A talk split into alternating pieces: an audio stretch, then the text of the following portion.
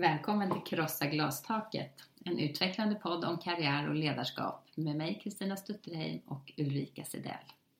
Vi är 9,6 miljoner svenskar, lika många kvinnor som män. Kvinnor står för hela 64 procent av alla högskoleexamina, men bara för 42 procent av det som är arbete. Det är bara 37 procent av alla chefer som är kvinnor. I Sverige är 25 procent av alla egenföretagare kvinnor. Bara 20% av alla professorer är kvinnor och bara 12% av alla VD-positioner innehas av kvinnor. Det ska vi förändra. There are no rules if you're a boy. Madonna, december 2016. Hej Ulrika! Hej Kristina! Hur är det med dig? Jo, det är bra med mig. Det känns att det börjar närma sig jul. Ja. Hur yttrar det sig då? Jag är lite trött. Jag, hade en, eh, jag jobbar ju mycket med handledning just nu, chefshandledning. Och, och en kvinna jag träffade idag hon inledde med att säga att det syns att du behöver semester. Ja, Ja. ja den är härlig. Ja. Ja. Jag förstår henne, jag ger henne helt rätt i det. Ja.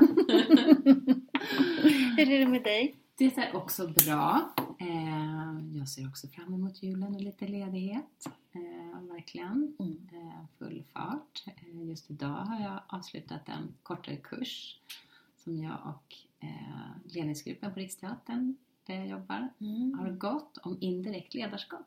Wow, Mm. spännande. Jättespännande. Mm. Så, att, Så nu kommer det med hända mig. grejer på Ja. Riksteatern. Nu kommer vi köra så det ryker Ja. kan man säga. 2017. Ja. Det indirekta ledarskapet kommer segra. Ja. Nej, men jättespännande, verkligen. Mm. Och eh, vi har ett jättespännande avsnitt framför oss. Det Mm. sjunde i raden Mm. av våran podd. Eh, vad ska vi... Vad är vårt fokus idag? Ja, vi har ju spanat lite på kvinnor som har tagit plats den här veckan. Mm. Det har ju varit några stycken Mm. faktiskt. Och det ska vi prata om. Men sen så nämnde vi i förra avsnittet att det finns ny forskning som visar vad det är för exekutiva funktioner i hjärnan som man nu kan mäta och se korrelationer med ett bra ledarskap. Mm. Alltså någonting helt nytt sätt att mäta ledarskap istället för att titta på personlighet och beteende. Så det ska vi prata lite kort om. Det låter väldigt spännande. Och sen ska vi träffa en helt fantastisk kvinna. Ja, Anette Hansson Ahl, Mm, advokat. mm, som har verkligen tagit plats. Hon har bryt, ja, hon bryter ny mark helt Mm. enkelt. Genom, I hennes bransch. Eh, inom eh, affärsjuridik. Mm. Mm. Och om man ska döma av intresset på LinkedIn när vi har förhands eh, Mm. skrivit om att detta ska komma och intervju med Anette och så, så är det ju tusentals visningar. Ja. Så 20 000 det, faktiskt. Ja, det är galet. Så Mm. vi tänker att det är, hallå alla nya 20 000 lyssnare. Härligt att ha er här. Och Anette, du gör verkligen eh, du gör uppmärksamhet kan jag säga. Verkligen. Härligt. Mm. Mm. Men vi ska också ha lite lyssna fråga och vi ska också ha lite karriärstips. Det ska vi ha. Förutom Anette så eh, har vi som sagt spanat på tre starka kvinnor. Mm. Ehm, och Madonna har vi redan nämnt. Mm. Hon höll ett fantastiskt tal, tacktal, 10 minuter långt, när hon i veckan vann Billboards eh, mu- eh, Music Awards och Mm. Woman of the Year. Mm. Och till skillnad från eh, när vi pratade om ett liknande pris för ett tag sedan så var det faktiskt en kvinna som vann det här Woman of the Year. Så att det, bara det är ju, är ju stort. Mm, ja, det känns Ja, det är stort. härligt. Nej men det var ett fantastiskt eh, tacktal. Hon nyttjade verkligen plattformen till att eh, prata om och sätta ljuset på hur hennes karriär i musikbranschen har varit och vad hon har mötts av och eh, hur hon har hur hon har härdats eh, av detta men också eh, förstås insett sin sårbarhet Mm. som hon pratade om. Men också om alla dessa regler som Ja. finns för en kvinna Precis. i hennes bransch. Ja, verkligen. Eh, och hon inledde sitt tacktal med att säga att eh, ja, tack för att ni, ni ger mig pris för min förmåga att hålla mig kvar Mm. i 34 år trots Mm. alltid att möta kvinnohat, mobbning och outtröttliga påhopp. Mm. Och det var också häftigt att se när hon pratade och när man filmade folk som satt i, i Mm. publiken och ja, hur tagna så många både unga och äldre kvinnor var detta. Det gick nog liksom in i allas våra Mm. hjärtan på olika sätt och mycket igenkänning. Verkligen. Så det var verkligen jättehäftigt. Och jag har en annan kvinna, en yngre, Little Jinder, Mm. eh, som eh, Också har... aktuell i veckan. Precis. Mm. Hon har varit en av programledarna i det fantastiska Musikhjälpen. Eh, men eh, loggade ur från alla sociala medier och så efter ett tag för att hon fick så mycket påhopp Mm. kring utseende och vad hon gjorde och vad hon sa Mm. eh, och så vidare. Och det där Madonna pratade ju också om skillnaden när hon var ung att då, då fanns ju inte sociala medier men då, då fick man allt rakt i, i ansiktet. Mm. Men det är mycket av det här idag ju och Mm. för inte minst unga tjejer. Vad, Verkligen. ah, Jag tänker också på det som Madonna sa, att mm, hur viktigt det är att ta hjälp och att, att stötta varandra. precis. Och hon, hon vände sig mycket till kvinnor där, Mm. eh, om att hur viktigt det är att kvinnor stöttar kvinnor. Mm. Det är klart att det är jätteviktigt att män också stöttar kvinnor, men att hon... Och då tänker jag på det som hä- hände då med eh, på Musikhjälpen, hur det skapades. Mm. Det var några unga kvinnor som Mm. skapade någon slags, vad kallar de det för inom Musikhjälpen? Man har en egen, man samlar pengar till ett eh, Mm, speciellt tema. Och då var det just till att backa henne. Mm, Eh, och de fick ju upp ganska mycket pengar som sen gick vidare till deras insamling till att barn i krigsområden ska, det. ska Mm, få gå i skolan. mm, Så det vart ju verkligen ett, en push, ett systerskap. Som är verkligen. fantastiskt att se. Helt sant. Och det pratade ju som du säger också Madonna om. Hon pratade om, om avsaknaden av det ibland under, under hennes karriär. Men att hon tackade också alla som eh, har funnits där för henne. Och det var liksom den stora uppmaningen. Att se ditt egenvärde och sök dig till andra kvinnor. Samarbeta, nätverka, eh, upplys varann Mm. eh, och gå samman och stötta varann. Och det är ju liksom det det viktiga och det Mm. vi vill eh, förstås skicka med eh, Verkligen. detta. Och det är väl lite grann utav vårt syfte Ja, till att starta den här podden. är ju att sätta strålkastarljuset på den här spelplanen och uppmuntra, upp, engagera och inspirera verkligen. varandra och Det det. andra. Och den tredje kvinnan som både du och jag har eh, spanat på den här veckan och som en hel värld nu har spanat på det är ju USAs FN-ambassadör Samantha Power. Som också, ja men eh, bara lugnt, klokt, starkt men så otroligt känslofyllt eh, pratade om situationen i Syrien och finns det ingen skam? Ja precis, i Aleppo. Mm. Och verkligen använde sin Mm. plattform Mm. för, för detta. Och just när hon säger det, att har ni ingen skam Ja. i kroppen så ryser man ju. Ja, För det är ju väl det vi alla frågar oss. Finns verkligen. det ingen jäkla skamkänsla här? Så här ser vi ju verkligen några kvinnor som tar plats. Mm. Eh, Madonna är den som vi kanske vet mest om och har kunnat följa, som har gått sin e- egen väg Mm. hela tiden och tagit sin plats. Och, och vad alla tre ändå liksom gemensamt har, som vi, vi har pratat om, eh, en, en kroppsdel som vi tycker fler ska sätta fokus på, eller hur? Mm. Och det är ryggraden. Ja. ja, Mer ryggrad. ja och mer det här är ju ryggrad. definitivt förebilder när det gäller ryggrad. Verkligen. Eh, så att det, De vill vi verkligen lyfta fram. det vill vi. Mm. Och eh, egentligen kan man säga eh, det är ju snart jul som vi pratar om och man kan ju tänka sig så här, man kan ju se på olika sätt. Jag tänker vad, vad kan man tipsa om i julklapp? Mm. Eh, och eh, då kan man ju liksom antingen så kollar man in sin egen ryggrad och ser till att man har den eller skickar någon till någon läkare och kolla in Mm. hur ser det ut. Mm. Stärka Ja, ryggraden helt enkelt. stärker ryggraden. Eh, och sen tänker jag också något vi har pratat mycket om det att man måste ju få syn på saker och ting. Och Mm. i år är det ju då VR-glasögonen har det sagts som är Mm. årets julklapp. Mm. Men det tänker inte riktigt vi. Vi Mm. tänker att det är mer genusglasögonen Mm. som är årets julklapp. Mm. Så det vore ju väldigt bra om vi Ja, kunde vara ganska många som packar ner och, och ger bort det. precis. Så att genusglasögonen säger vi är årets julklapp. Titta er omkring och få andra att titta sig omkring lite mer också. Ja, från starka kvinnor till eh, hjärnforskning. ja, eller egentligen handlar det om ledarskap. Just det. Eh, det handlar ju om, vi pratade ju förra eh, gången om rekrytering Mm. och eh, hur snett det kan gå i rekryteringar. När man plötsligt inser att all, när man tittar i årsredovisningen och, och det råkar bara vara ett och samma kön. Då tänker man ju någonting har gått snett i Mm. rekryteringen. Mm.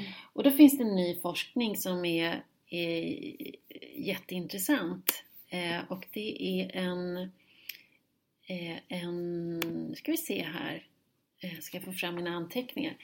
Eh, jag hoppas att jag uttalar rätt, jag blir så osäker. Jag har träffat honom några gånger, jag blir lika osäker varje gång. Men han heter Predrag Petrovic. Mm. Jag tror det. Förlåt om jag säger fel. Eh, men han är en eh, hjärnforskare på KI och eh, han har bland annat så har han skrivit en bok som har sålt mycket vet jag som handlar om borderline. Mm. Den heter Känslostormar. Men det var inte det jag skulle säga utan han har också tittat på de exekutiva funktionerna i hjärnan. Och han menar ju på att eh, det är inte beteendestil eller personlighet som är intressant när man ska bedöma eh, förmåga att vara ledare. Utan det är alltså hjärnans kapacitet. Och han menar ju då att våra hjärnor är olika precis som man kan titta på datorer. Man köper datorer med olika kapacitet så finns det också hjärnor med Mm. olika kapacitet. Och då har han tillsammans med sitt forskningsteam identifierat tre funktioner som är helt centrala för ledarskapet. Och då är det ett, så är det den abstrakta förmågan, det vill säga, det vill säga ditt, din förmåga att snabbt överblicka, att se helheter, se långsiktigt, se, se konsekvenser eh, av diverse olika, kan ju alltid från förslag till omvärldsbevakning eller vad det nu är för någonting. Mm. Strategiskt tänk. Det andra är kreativ förmåga. Mm. Att hitta nya lösningar, att, eh, den innovativa, kreativa förmågan. Och det tredje är den emotionella regleringen. Det vill Mm. säga att du har koll på dina känslor. Mm. Så när du blir stressad eller engagerad eller vill verkligen nå det här resultatet eh, eller du blir kränkt eller du blir vad det nu kan vara för Mm. känsla. Att du kan härbärgera det här. Du känner det Mm. men du låter inte styras av det. Vilket gör att du eh, eh, fattar betydligt mer kloka, rationella beslut utan på något sätt eh, tappa bort din känsla. Du lyssnar av den Mm. och använder dig utav den. Men du Du styrs inte av den. Mm. Mm. Så de tre exekutiva funktionerna går nu att mäta i tester. Och att eh, eh, när man mäter dem så har man då sett samband mellan ett bra ledarskap där man fattar eh, rationella, logiska beslut eh, som är långsiktiga men också som är empatiska. Mm. Det vill säga man har kontakt med sin känsla och sin förmåga att känna in andra. Och, Mm. Mm. Vad spännande. Mm. Och hur hänger det här, eh, precis när du säger empati, för det här med EQ har ju varit Mm. rätt mycket fokus på ju Mm. när man tittar på ledarskap och rekrytering. Emotionell intelligens. Ja, precis. Och det har ju med, med din förmåga helt och hållet att läsa av både dig själv och andra. Att, eh, sen skulle vi kunna prata länge om det här för det är också skillnad på empati och medkänsla. Mm. Och empati är inte alltid någon bra eh, förmåga i ledarskapet. Hur då? då?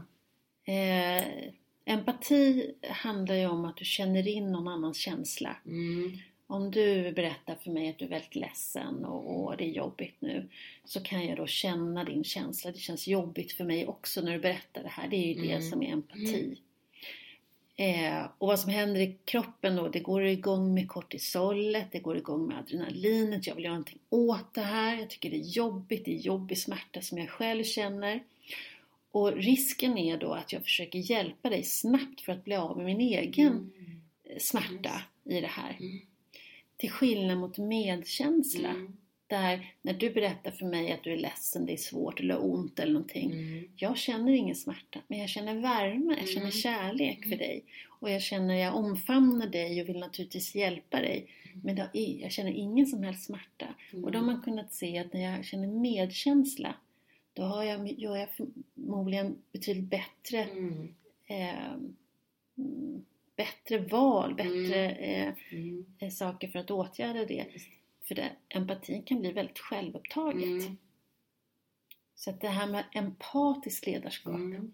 det tycker jag vi ska hålla oss borta Mm. ifrån. Intressant. Mm. Ja, vad spännande. De här förmågorna är ju, är ju såklart väldigt viktiga. För det, det, det är ju också vår... eh, Det styr ju också vårt beteende naturligtvis när vi har, har den här kapaciteten. Jag tycker man skulle prata mycket, mycket mer om kapacitet. För då går vi bort från könsroller. Då går vi bort från eh, hur vi beter oss. Och tittar bara på vår kapacitet. Det. Så det blir betydligt mer jämställda Mm. bedömningar. Mm. Men det här skulle du säga som ju jobbar med det här dagligen på många sätt och läser och studier och forskning och så, att det är rätt nytt det här som... Mm, det, är bara, Mm. det är faktiskt bara två år gammalt när eh, Petrovic, om jag nu säger rätt, Mm. Gud jag kommer känna mig dum om det visar sig att jag uttalar på det namnet Jag, jag fel sätt. det. Ehm, det, är bara två år sedan de presenterade sin studie som blev vida omtalad i nationella eh, tidningar i media. Eh, så att, ja, och det är ju inte ännu så att det finns på marknaden. Det finns bara en verksamhet som har sådana här tester. Mm. Men det är ju intressant att, att tänka på det Mm. ändå, just det där med härbärgerandet av eh, mm. sina emotioner som ledare. Mm, jag tror vi är alldeles för mycket känsliga i ledarskapet. Absolut. Det drivs alldeles för mycket i affekter. Mm. Mm. Det tror jag också. Bra! Då ska vi ha en eh, lyssnarfråga. Det ska vi. Här kommer den. Hej! Tack för en bra podd. Den har verkligen fått mig att fundera. Jag är mellanchef i en större organisation, känner stort engagemang och lust för det jag gör. Men jag får kritik som jag inte förstår. De säger att jag kör över, är dominant och går in på andras områden. Jag håller inte med. Kan det här vara att jag är kvinna? Och vad gör jag i så fall åt det här? Mm. Hälsningar. Anonym. Mm. Vad säger du om det Ulrika? Är det för att hon är kvinna tror du? Ja, det kan det ju vara. Det beror ju alldeles på vad det är för organisation Mm. och vad man förväntar sig Mm. att en kvinna ska bete sig. Vi pratade i förra avsnittet om en studie där man har visat på när, när män eh, tog tag i konflikter så blev belönades det medan när kvinnor gjorde det så ansågs de mer aggressiva och, och sådär. Så att absolut, så kan det vara. Men jag skulle inte, skulle jag ge handledning till den här kvinnan så skulle inte det vara det första vi- skulle titta på. Utan det är ju så att ledarskapet är ju det är ju rätt ointressant om du, vad du tycker om dig själv det är som chef. Eh, Det är ganska ointressant hur du tycker att du är som ledare. Utan det som är intressant är ju vem du är i andras ögon. Och det, visar, det, det säger ingenting om vem du är. För det, det är bara du som, som äger den frågan. Det kan ingen annan göra. Men när andra människor talar om hur de tolkar ditt beteende, vad det är de ser ifrån dig, så ska man ju ta det på största allvar. För det här är ju spelplanen Mm. att utgå ifrån. Mm. Så jag skulle råda henne att börja fråga mera när hon får den här kritiken. Att mycket våga, apropå härbärgera känslor. Mm. Inte klart- gå i försvar och... och det är klart att det är jättesvårt. Mm. Det är klart att man blir ledsen och, och känner sig kanske också kränkt och förbannad Mm. och orättvist bemött eh, av att få höra att man kör över och, och så. Men jag skulle uppmuntra till att stanna kvar, lyssna in, ställa frågor, försöka förstå den andra personen och inte hänge sig åt vad som är rätt eller fel. Mm. Glöm det, utan Mm. bara försöka förstå och utforska de här åsikterna. För det kan ju vara att det är otydligt i mandat. Det kan vara otydligt i uppdragsbeskrivningar. Det kan vara så att eh, hon glömmer att kommunicera helheten och så Mm. kliver hon in och gör någonting som man inte förstår satt i sitt sammanhang. Mm. Så innan du drar för snabba slutsatser om att det här handlar om kön Mm. så skulle jag börja utforska och undersöka varför upplever man det på det här sättet Mm. och mot vilken bakgrund Mm. och eh, vad är de här personernas bakgrund till sina uppfattningar. Och som du säger, om jag tänker hon skriver själv att, att hon känner stort engagemang och lust för det hon Mm. gör. Så säkert de bästa av intentioner, och är, Mm. men det här engagemanget kan bli lite tunnelseende. Eller, Absolut! det har man ju sett, eh, kanske till och med själv.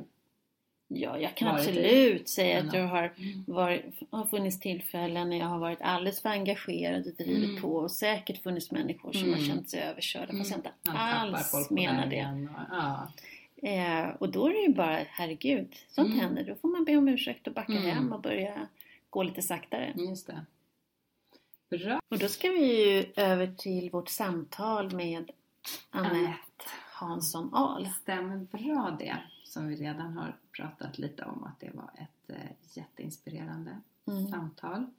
Eh, Anette är advokat, har jobbat Mm. på advokatbyrå, har jobbat som bolagsjurist och 2009 så startade hon eh, en advokatbyrå, Holmgren Hansson. Mm. Tillsammans med en kollega. Precis. Mm. Och eh, det här ska vi få höra lite mer om, Mm. vad det är som skiljer den mot eh, andra byråer. Mm.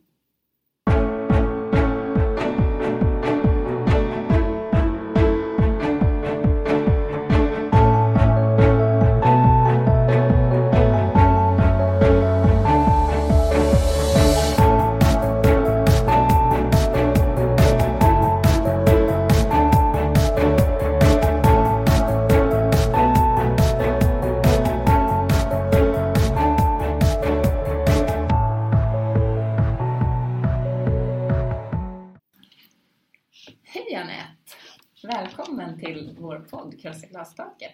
Tack så mycket. Kul att ha dig här. Vi tänkte bara börja med att fråga som vi brukar göra. Vad är det mest lustfyllda beslutet du har tagit? Men vi slår till med idag. Fast klockan bara är tidigt på morgonen.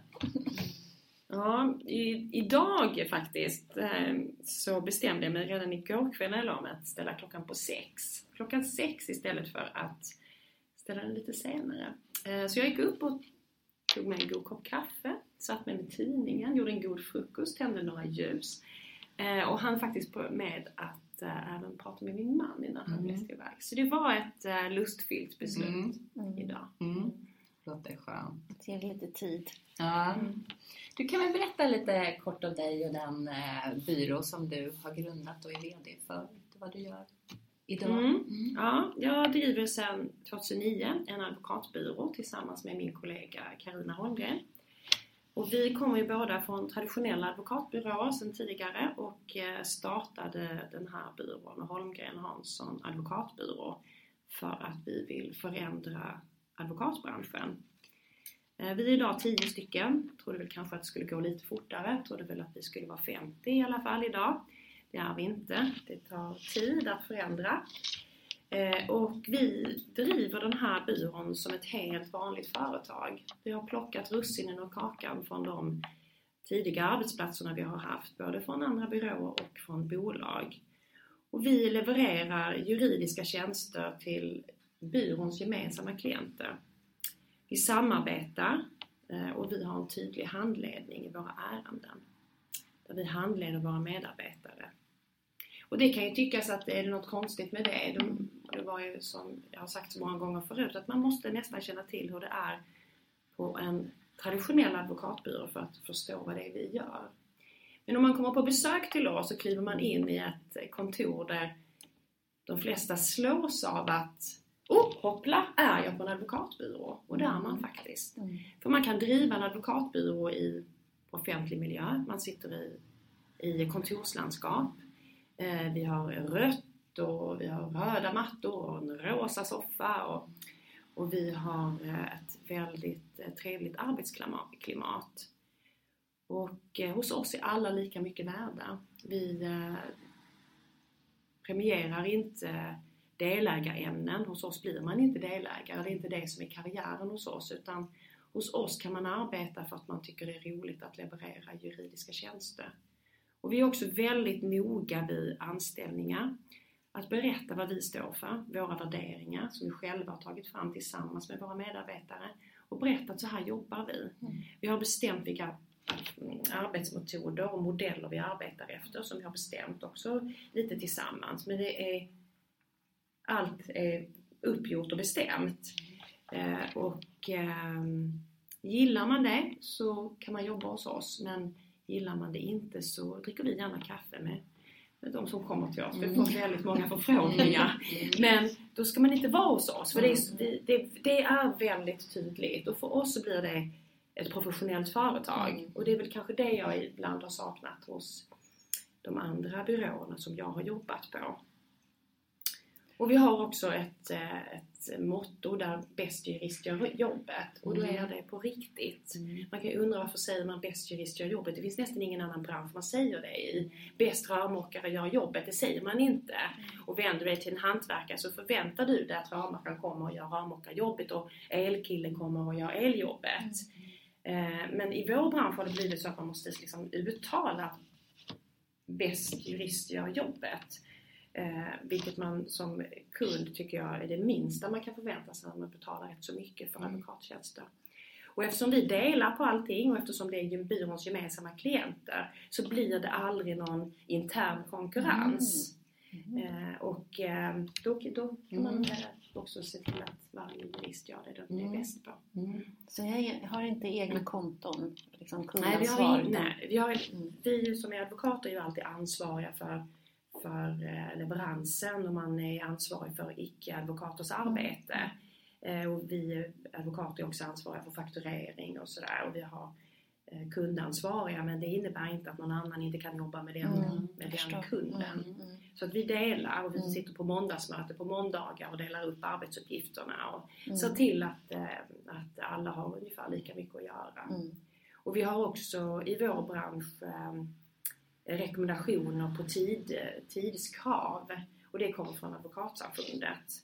Eh, där ligger vi långt under de tidskraven som eh, man kan förvänta sig av biträdande jurister och advokater i branschen. Så vi sätter en budget på varje medarbetare som är betydligt under den, den gränsen som Advokatsamfundet rekommenderar. Och det är för att vi inte tror att, att jobbet är allt. Eh, och eh, att man också ska kunna ta hand om sina barn, man som kvinna, och att man ska kunna ha en fritidssysselsättning efter arbetstid. Så vi har inte heller gym på jobbet, vi har inte, vi har inte fri mat från kylen efter 21.00 eh, och eh, vi uppmuntrar våra medarbetare att faktiskt gå hem från sitt arbete.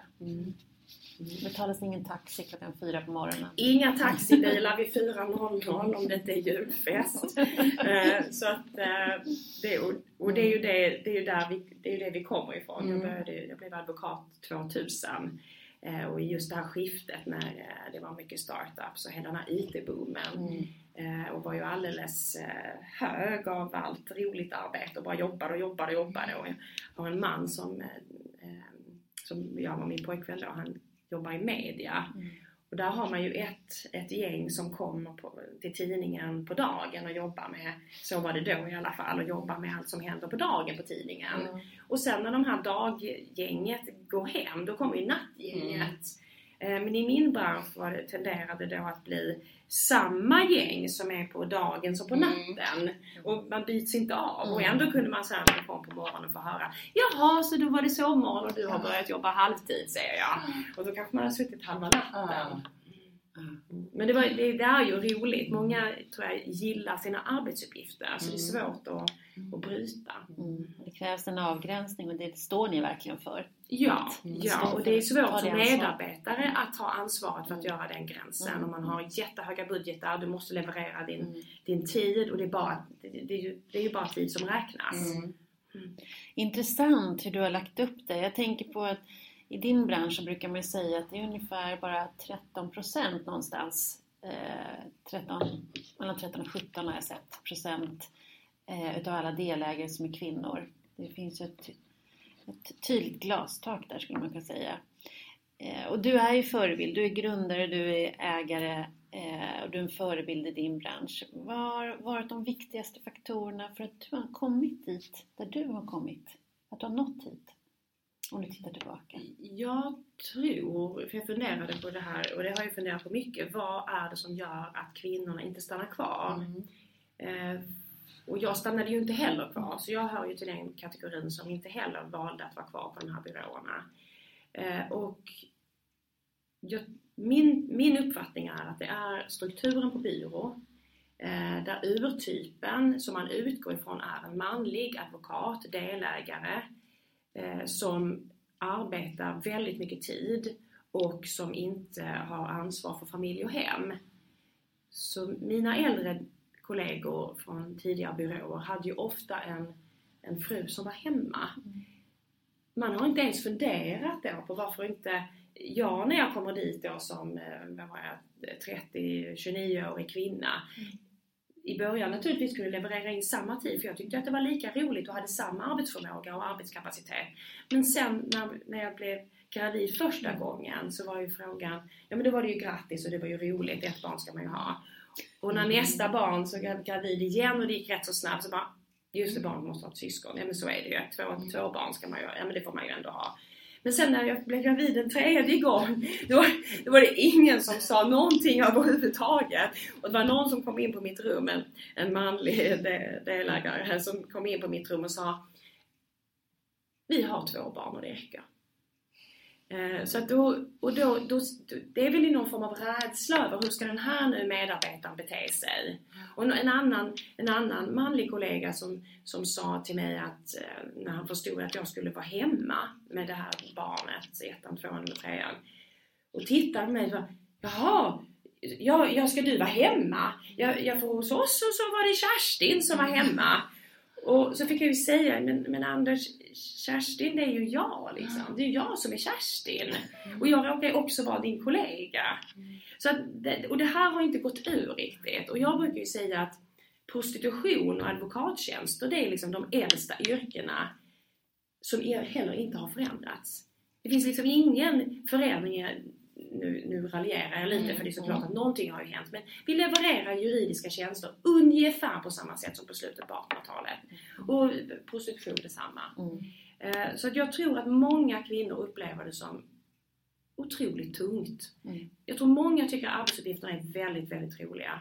Men strukturen där man hela tiden inte passar in i det där pusslet. Mm. För pusselbiten, men man kan inte trycka i den.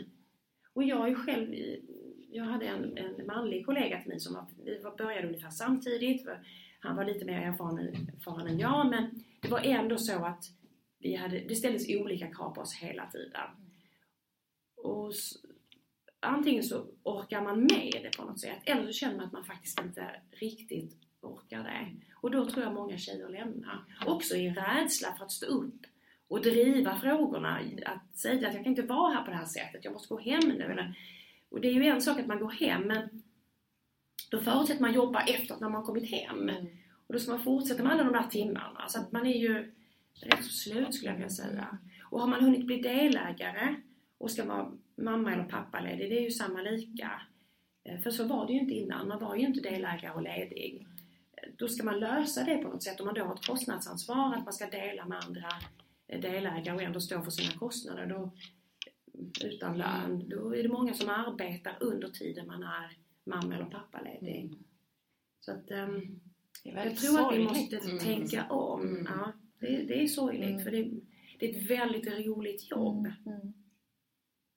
Men du gjorde, du klev av eh, den här traditionella som du beskriver då. En del kvinnor lämnar och det gjorde även du. Eh, men du gjorde ju någonting annat. Du startade en egen byrå. Eh, till skillnad mot att bli bolagsjurist eller så. Vad är det som gjorde att du har kommit dit? Nej, men jag har ju det här att jag, jag vill ju utveckla, förändra, göra skillnad. Eh, och när jag hade efter X antal gånger hade fått upp, i uppdrag av mina eh, då, chefer och delägare på andra byråer att men kan inte du som ung presentera framtidens byrå? Hur ska, hur ska det vara här nu 2016? Eller men om tre år, hur ser byrån ut? Och jag har kört powerpoint-presentationer gång efter annan och liksom, äh, liksom förklarat min modell. Så här tror jag. då har jag bara tittat på ett helt vanligt företag. Så det är ju inte någon rocket science. Det är ingenting annorlunda överhuvudtaget. Utan bara njo, sneglat på någonting annat. Ehm, och dragit de här och fått höra att Nej men så har vi det här redan, är det någon som säger. Så men gud, arbetar vi på samma arbetsplats? Och då tycker jag verkligen inte att jag blivit illa behandlad utan jag har ju haft kul på vägen. Ja. Men eh, när jag hade det här paketet Mm. så var ju det inte så svårt att lyfta ut det. Mm. Och jag hade ju också min eh, kollega Karina. Vi, vi arbetade inte i samma ärenden och vi jobbade egentligen inte med alls samma juridik. Men vi gick där liksom och knyckte på varandra sådär. Men ska vi inte göra något annorlunda? Vi kan ju inte ha det så här. Hon var ju delägare och hade liksom stångat sig i sina frågor drev frågor om jämställdhet och nu ska vi se på tjejer och killar likadant och, och hur gör vi med ersättning när man är föräldraledig och men viktiga frågor. Eh, men var också såhär... det gnagde lite. Så att eh, efter ett antal år så bestämde vi oss för att eh, inte lämna, för vi tycker att yrket är kul, Mm. eh, utan faktiskt starta något eget. Mm. Och vi har fått mycket uppmärksamhet, i, framförallt när vi började, just för att, för att vi vågade sticka ut och vi fick höra att vi var så här rödstrumpebyrån. Och, och det är vi egentligen inte, utan vi är en, en byrå som, som drivs som ett modernt, helt vanligt företag som levererar juridiska tjänster. Och hos oss kan man bli affärsområdeschef och man kan sitta i ledningsgruppen och vi driver ja, som ett helt vanligt företag. Mm. Och vi sitter alla i samma öppna landskap. Det är ingen, ingen som har delägarrum med störst rum vinner och små, små statyer och annat i. Jag tänker ni är väldigt tydliga liksom, med, med profilen och som du berättar om och det står på er hemsida om att ni är en jämställd och icke-traditionell byrå och så. Hur har det här mötts då i branschen? Blir man provocerad av detta? Ja, det blir man. Mm. Man blir provocerad. Eh, man blir provocerad utifrån att jag tror att man inte riktigt, alla mm, på något vis eh, vill väl att vi ska bli mer moderna. Ingen vet riktigt hur vi ska göra i den här branschen. Eh, och som sagt, jag har medarbetare som får höra att vi är i rödstrumpor och när de är ute på kurs och sådär. Mm. Eh, Sen har vi fortfarande en, en kategori som kommer från universitetet där man fortfarande är väldigt jämställda. Och det är väldigt många tjejer som pluggar juridik eftersom det krävs höga betyg och tjejer har bättre betyg än killar. Ehm, Och där är man inte van vid att det ens finns någon skillnad. Så man är ju rätt så lyckligt ovetande. Och smällen är rätt så hård när man, kom, när man sen börjar på en av de här men, bra byråerna i Mm. stan som man har drömt om. Och man har ju de betygen som, så att det räcker. Mm. Eh, Så att jag, där är, är det en kategori som kanske inte riktigt, för, här, inte riktigt förstår vad vi Mm. gör Mm. och varför. Mm. Men sen så är det många som äh, har sagt i, i våra, bland våra kollegor att äh, det där kommer inte gå. Vad har ni för uppdrag egentligen? Klarar ni er? Och det var ju också så när, när vi hoppade av att det där liksom, det kommer Mm. inte att gå. Mm. Eh, Men jag tror att många blir lite provocerade. Mm. Och särskilt när vi har varit intervjuade i, eh, i lite olika tidningar. Och vi vill ju gärna vara förebilder och ut och prata via Advokatsamfundet som har en del eh, initiativ för, för kvinnor i branschen. För jag tycker det finns få, få, för, få förebilder. Och många kvinnor som är delägare på de stora byråerna idag har ju kanske valt bort familj eller, Mm. eller så har man jobbat under ledigheten och, eller föräldraledigheten. Så att eh, har dragit ett rätt tufft lass. Och frågan är om, det, om man är en förebild, om man, om man berättar hur man hanterar barn och jobb samtidigt genom att sätta streck i kalendern så att, man, så att andra tror att man är på ett möte men att man egentligen faktiskt äter middag med sina barn. Mm. Och att man faktiskt arbeta arbetar när barnen sover när man är föräldraledig. Mm. Jag vet inte om man är en bra förebild för nästa generation för då kommer vi inte få någon förändring. Jag tror vi kan vara ganska överens i det här rummet i alla fall att det är inte någon bra förebild att göra på det sättet. Men det du beskriver tänker jag, det är otroligt föråldrad om man jämför många andra branscher. Föråldrad struktur, största rummet, det är till den bästa delägaren, delägarrummet, man åker hem på natten, man jobbar dygnet runt, att man kommer in och säger till dig att det räcker med två barn. Och jag tänker mm, det här, och en väldigt manlig värld är det ju. eh, traditionell. Tror du att den här traditionella kulturen och strukturen i din bransch påverkar hur lagstiftningen tolkas, motiveras och som sedan ligger till grund för beslut eller domar? Jag tror, framförallt så vill jag absolut inte tro det och jag tror att vi har en, en rättssäkerhet och en, en objektiv lagstiftare i, i, i vårt land. Jag jobbar bara med affärsjuridik ska jag Mm, säga. mm, Eh, och, eh, så att jag, svarar nej. jag skulle vilja Mm. svara nej på den frågan. Jag tror inte det. Men jag tror att om du frågar någon som jobbar med humanjuridik eller Mm. som arbetar med brottmål, framförallt brottmål kanske, eh, så tror jag att de skulle svara annorlunda på den frågan.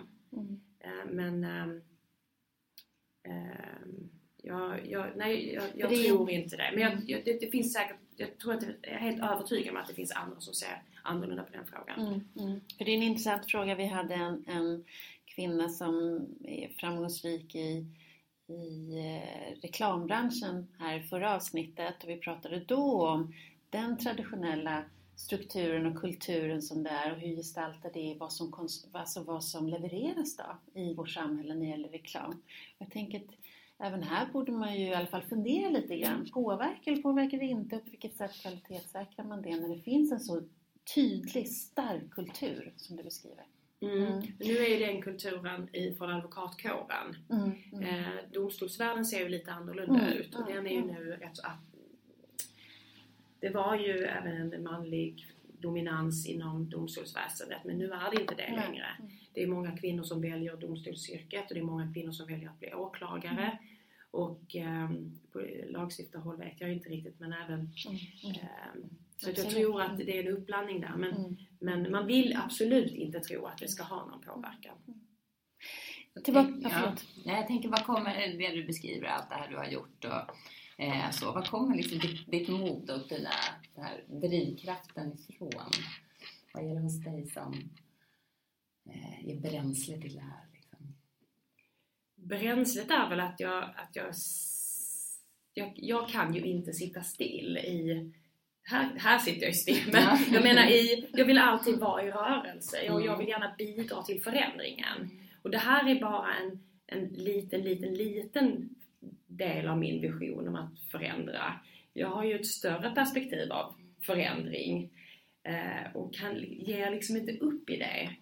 Och eh, min hela grundfilosofi är ju att allt är möjligt. Och det har jag ju med mig hemifrån tror jag. Mm. Eh, Så att någonstans eh, har det inte funnits några... Det finns liksom inga stopp eh, för vad jag tror att vi alla är kapabla att göra. Men jag tror framförallt att jag, jag, har det med mig hemifrån, det Mm. tror jag. När du började jobba, när du var, var examinerad och klar, hur såg du, hade du en tydlig plan framför dig? Så här ska min bana se ut och eh, karriärmässigt eller hur tänkte du? Ja, men jag bestämde mig ju, det var ju lite intressant, jag fick frågan om jag kunde berätta för åttonde klasser om olika yrken och Mm. yrkesval. De står ju inför valet att de ska fundera på sitt gymnasium och så. Så jag sa, men jag kan absolut komma. För advokat är något som man, man kanske inte exakt vet vad advokaten gör, men man vet att de finns när man Mm. går i åttan. När jag själv gick i åttan, sa jag till de här åttonde klassarna, eh, så bestämde jag mig för att jag skulle bli advokat. Eh, och mina föräldrar är inte advokater. Men jag tror att jag blev inspirerad av min fantastiska samhällskunskapslärare som var duktig på som lärare men också var en, en- en förebild på många sätt. Hon hade en utstrålning som jag attraherades av. Och hennes man var advokat. Honom hade jag aldrig träffat, men hennes man var advokat. Och jag bestämde mig där någonstans. Så det första jag gör när vi ska praktisera i åttan, det är att jag är hos den lokala advokaten, fast bara en advokat i det området där jag bodde. Han hade ett kontor på Stortorget. Där var jag i en vecka. Jag gjorde i princip ingenting, allt var så hemligt. Mm. Så jag fick sitta i hans väntrum. Och han var ingen pedagogisk, inspirerande, engagerande person. Han var, utan han var ju för mig en gammal farbror. Staffan eller vad det hette. Och han, det var den bästa veckan någonsin. Det spelar ingen roll att jag satt och läste pamfletter om hur det var att vittna i rättegången. Ja, det här var det bästa. Så jag bestämde mig redan där och då. Mm. Och, Och där och då någonstans i mitten på 80-talet, då skulle ju alla flickor läsa teknik. Mm. Så man fick ju extra poäng för att, nu låter det helt galet här för en yngre generation, men ni vet, man fick ju extra poäng om man sökte natur eller teknik. Så den här syokonsulenten sa du är ju så insnöad och enkelspårig. Du måste öppna upp och tänka, vad ska vi göra? Så de ville ju att jag skulle, hon ville ju att jag skulle in på någon sån här matte, teknikutbildning. Men jag visste att jag skulle bli advokat.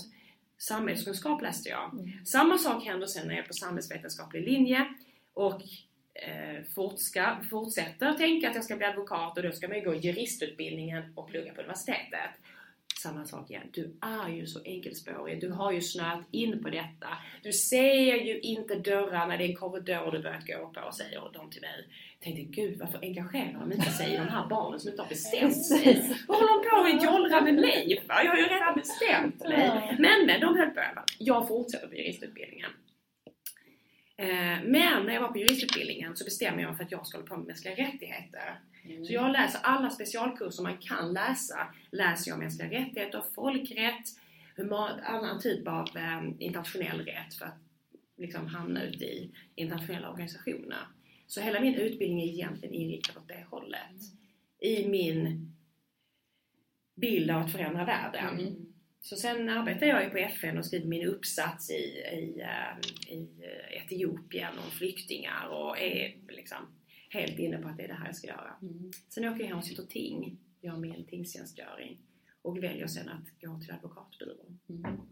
Så att eh, någonstans, när, jag var, när jag pluggade så visste jag inte att jag skulle bli advokat. Eh, när jag hade suttit ting och gjort min tingstjänstgöring i två år så ja, då, då blev advokatyrket attraktivt. För då har man ju sett advokater i, i rätten på något annat sätt. Och så. Så att, men eh, det var inte när, jag- när jag pluggade visste jag inte det.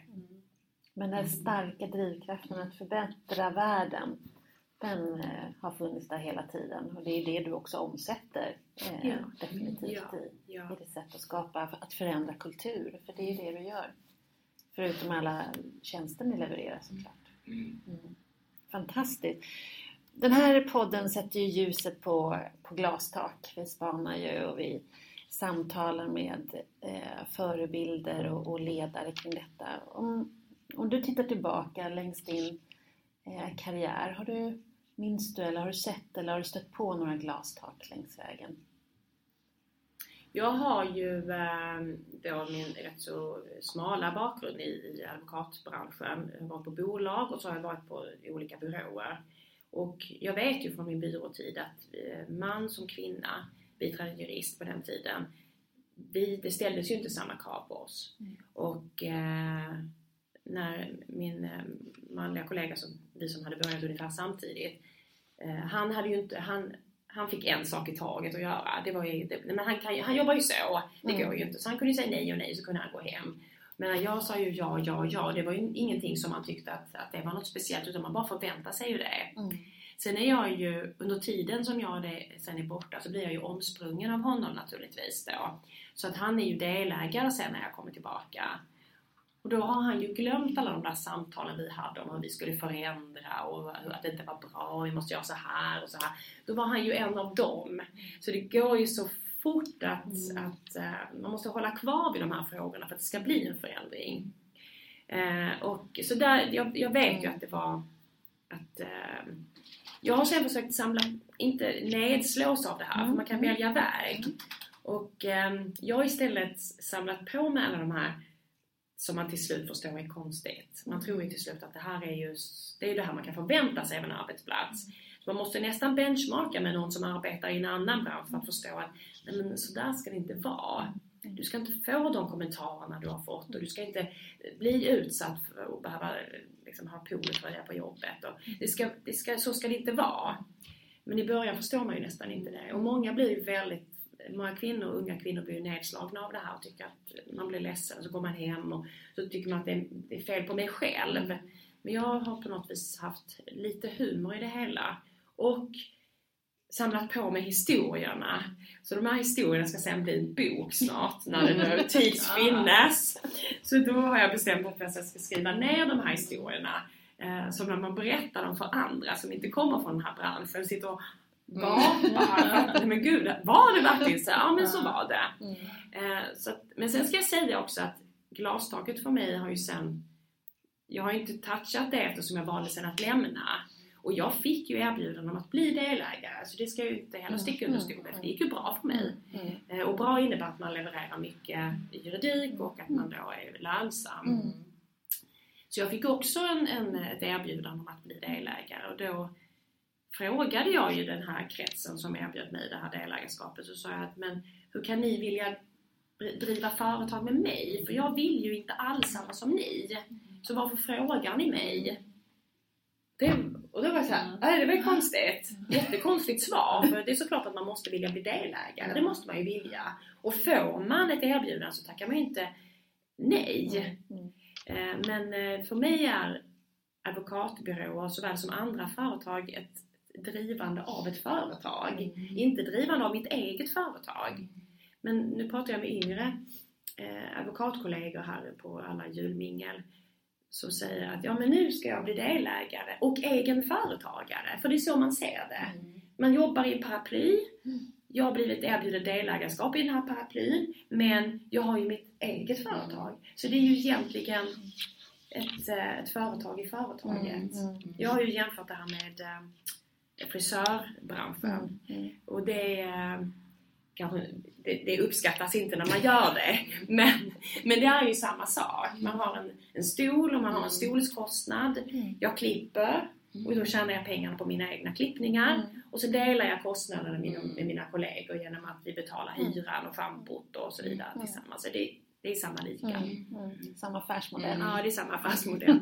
Och, men jag vill också säga att jag har, jag har också drabbats av kvinnor som har velat mig ont. Mm. Så att det är inte... eh, Männen är ju lite mer rakryggade i sin, i sin ehm, ja, neds, nedslående agerande. Medan kvinnor går ju, är ju lite tuffare. Så att jag har faktiskt fått några knivar i ryggen också av kvinnor som inte har velat mig väl. Och det, eh, då blir jag nästan mer ledsen på något sätt. För det tycker, då, det tycker jag är... Det måste vi jobba med tycker jag. Absolut, och samtidigt får man också komma ihåg, det handlar ju egentligen inte om kön utan det är ju väldigt mycket kultur och strukturer. Och så har män varit väldigt dominerande i arbetsmarknaden på chefstjänster och eh, ägar, har varit ägarna. Eh, så att det är ju eh, väldigt mansdominerat men det är klart att det finns ju stora skillnader både tjejer och killar. Men eftersom det är så så är det ju många som upplever, jag med, att man blir extra känslig för när kvinnor spelar det spelet. Verkligen. Det är dags att börja avsluta. Men innan vi gör det så skulle vi gärna vilja fråga dig om du har några tips och råd till, till de som är i början på sin karriär. vill göra en liknande karriär som din. Som också sitter i Mm. årskurs 8 och vill bli advokat. Ska bestämma sig. Jag att alla ska bli advokater. Eller har gått ut Ja. universitetet. Ja, precis. Jag har fått den frågan rätt många gånger. Hur, man ska, liksom, men hur ska man tänka? Och det som har varit jag tror helt avgörande för mig är ju att jag, har, jag lever ju i en relation med en man och tre barn där vi delar lika. Och jag tror ju inte att jag hade valt en man som var av någon annan sort än just min man som jag nu lever med. För det, det har inte ens funnits på min karta. Men jag ser ju hos mina väninnor och mina kollegor att man har en uppdelning som är väldigt, väldigt ojämlik redan hemma. Och då ska man försöka på något vis ta med sig den sen på, på arbetet. Och det kan ibland som arbetsgivare vara rätt provocerande när man ser att, att kvinnor lever i så ojämställda relationer hemma. Där man själv tar hela eh, så här sjuka barn och hela ledigheten med föräldraledigheten och alla utvecklingssamtal och kör till alla aktiviteter, vad det nu är för någonting man skapar runt sig. Eh, då är det nästan omöjligt att få ihop sitt arbetsliv skulle jag vilja säga. Eh, Det kan man inte ens tänka att man ska kunna få för då kommer man gå sönder. Så det har varit viktigt för mig. Och sen att ha en bra, hitta en förebild. Och kan man inte hitta en förebild, för det är inte alltid lätt, eh, så i alla fall hitta en mentor. Det, jag har haft en, en fantastisk eh, kvinna som gjorde sin karriär på 80-talet. Också i ett tjänsteföretag. Eh, och- då var det ännu mer ovanligt som kvinna att starta eget. Och hon har ju fått utstå spott och spe. Och hur ska hon kunna ta hand om sina barn och allt. Så att eh, det tror jag också. Och, sen inte nedslås och tro att det är fel på Mm. att det är dig det är fel på. För det är inte dig det är fel på. Du passar bara inte in i det här jäkla pusslet. Mm. Eh, och sen har jag också varit med i olika sammanhang där man har diskuterat balans i livet. Och jag tror inte på balans i livet. Och jag var med i en, någon, paneldebatt kring just balans i livet. Där, där myntaren av det här begreppet var med, som verkligen tror på detta. Och jag, jag tror man får skapa sin egen balans. Mm. Men om man tror att balans ska vara att man jämt känner sig lugn och att man är åtta timmar på jobbet och åtta timmar hemma och sover åtta timmar. Då tror jag att då, då är det nog svårt att få ihop det om man också vill göra en, en, ja, en spännande karriär. Mm. Alla gör ju Mm. sina karriärer men om man, om man vill lägga, om man vill lägga ar- tid på arbetet Mm. Mm. tror jag att det är svårt. Mm. Så att um, ett, ett, eh, ett livspusslet, ett pussel går ju ihop. Mm. Då passar ju alla pusselbitar om man inte slavat bort den. Mm. Men i alla fall när man köper boxen så finns ju alla pusselbitarna. Mm. Men eh, livspusslet det går inte ihop. Mm. Det kommer alltid vara några hål Mm. här och där liksom. Och att kanske Man- kunna leva lite avslappnat. Ja, att det inte gör så Nej. mycket. Att det gör inte så mycket. Men framför allt att det inte är fel på dig själv. Och trivs man inte så byt jobb. Mm. Det tycker jag. Man inte går och harvar och tror att chefen ska ändra sig. Det kommer aldrig att hända. Mm. Det ska vara jordbävning för att det ska Mm. ändras något.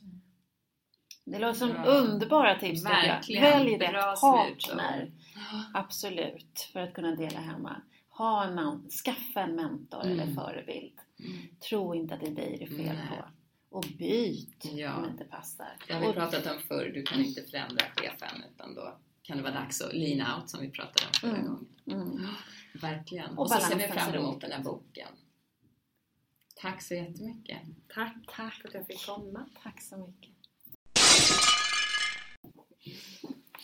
Ja. Ja, då är vi tillbaka i köket på Södermalm Mm. efter att vi har träffat Anette.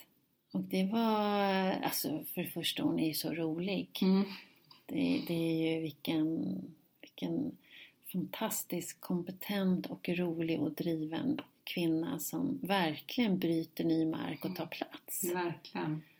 Och istället för att förändra i de befintliga strukturerna så gör ju hon som en entreprenör gör. Mm. Hon bygger ny struktur.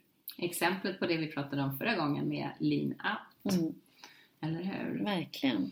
Men- Imponerande. Ja, jag tänker också vi pratade tidigare om årets julklapp då, genusglasögon. Mm. Och eh, innan vi började spela in samtalet så när vi pratade lite innan med Anette så, så kom vi in på just det där när vi, vi pratade om liksom hur är det att göra, gå en annan väg eh, och att liksom i, i det här fallet väldigt tydligt att göra någonting som är lite motsatsen till eh, hur, hur den bransch ser ut som hon verkar i och då sa hon det också så väl det där att, att att vissa ser ju inte att, att vi gör något som är motsatsen Mm. därför de vet ju inte vad det är som det skulle vara motsatsen Nej, till. Precis. Man har inte de ögonen på sin egen verksamhet eller Mm. bransch eller Mm. det egna agerandet. Mm. Så att, hur ska man då veta vad motsatsen är? Mm. Eh, Och det är ju himla klokt. Mm. För det är mycket vi inte vet Nej. om olika branscher och just det här med kvinnors och mäns spelplan. Och för att det ser jämlikt ut i en spelplan så är det uppenbart inte det på alla andra spelplaner. Det, det är viktigt att hålla fast i. Verkligen. Eh, innan Mm. vi avrundar Mm. så är det dags för ett litet karriärtips Mm. som hänger ihop med det vi har Mm. pratat om Mm. idag. Apropå det här med att ditt ledarskap är vad du är i andras ögon. Så tänkte vi nu ska det bli ledighet. Mm. Och då så kan man ju ta sig lite tid. Eh, och då tänkte vi rekommendera att du eh, sätter dig ner och så skriver du ner några personer som du känner tillit för eh, och som du kanske har jobbat med eller varit vän med. Och så tar du dina egna referenser. Eh, och ett sätt att göra det på är att skicka iväg ett mail och säger att du nu håller på med din personliga utveckling eller någonting sånt. Och att, de gärna, att man gärna vill att den här personen ska ge några minuter för att bidra till hens utveckling. Och då kan det vara enkla fyra stycken frågor. Eh, ett, hur skulle du beskriva mina styrkor? Vad tycker du att jag är riktigt bra på? Och att också ge mig några exempel på hur de har blivit synliga. Två, vad tycker du att jag skulle behöva utveckla? Och ge mig då gärna några tips. Mm. Och nummer tre, vad ser du att jag motiveras av? Om ditt uppdrag var att motiv- motivera mig, hur skulle du göra då? Och det sista, då, något övrigt. Finns det något att lägga till? Mm. Eh, och det här handlar ju om att, att få den här spegelbilden. Att få reda på hur, hur ser jag ut och, och det jag presterar eller det jag gör i andras ögon. Jättebra. Mm. Det rekommenderar vi alla att göra. Mm. Ta referenser. Precis. Bra. Då avslutar vi detta sjunde avsnitt eh, nu så här i slutet av december. Ja, vi får Ja. väl önska god jul. För vi ses ju inte, eller hörs ju inte på den här, i den här kanalen Nej. Mhm. förrän efter jul. Så att Nej. vi, och glöm inte att packa ner ett par genusglasögon i julklapp. Precis. Mm. Vi borde vara eh, sponsrade av en optiker i det här avsnittet, men det är vi inte. Så att vi säger det går bra med vilka genusglasögon som helst. Eh, så att god jul säger vi och eh, tack för den här hösten. Mm, tack! Hej! Hej!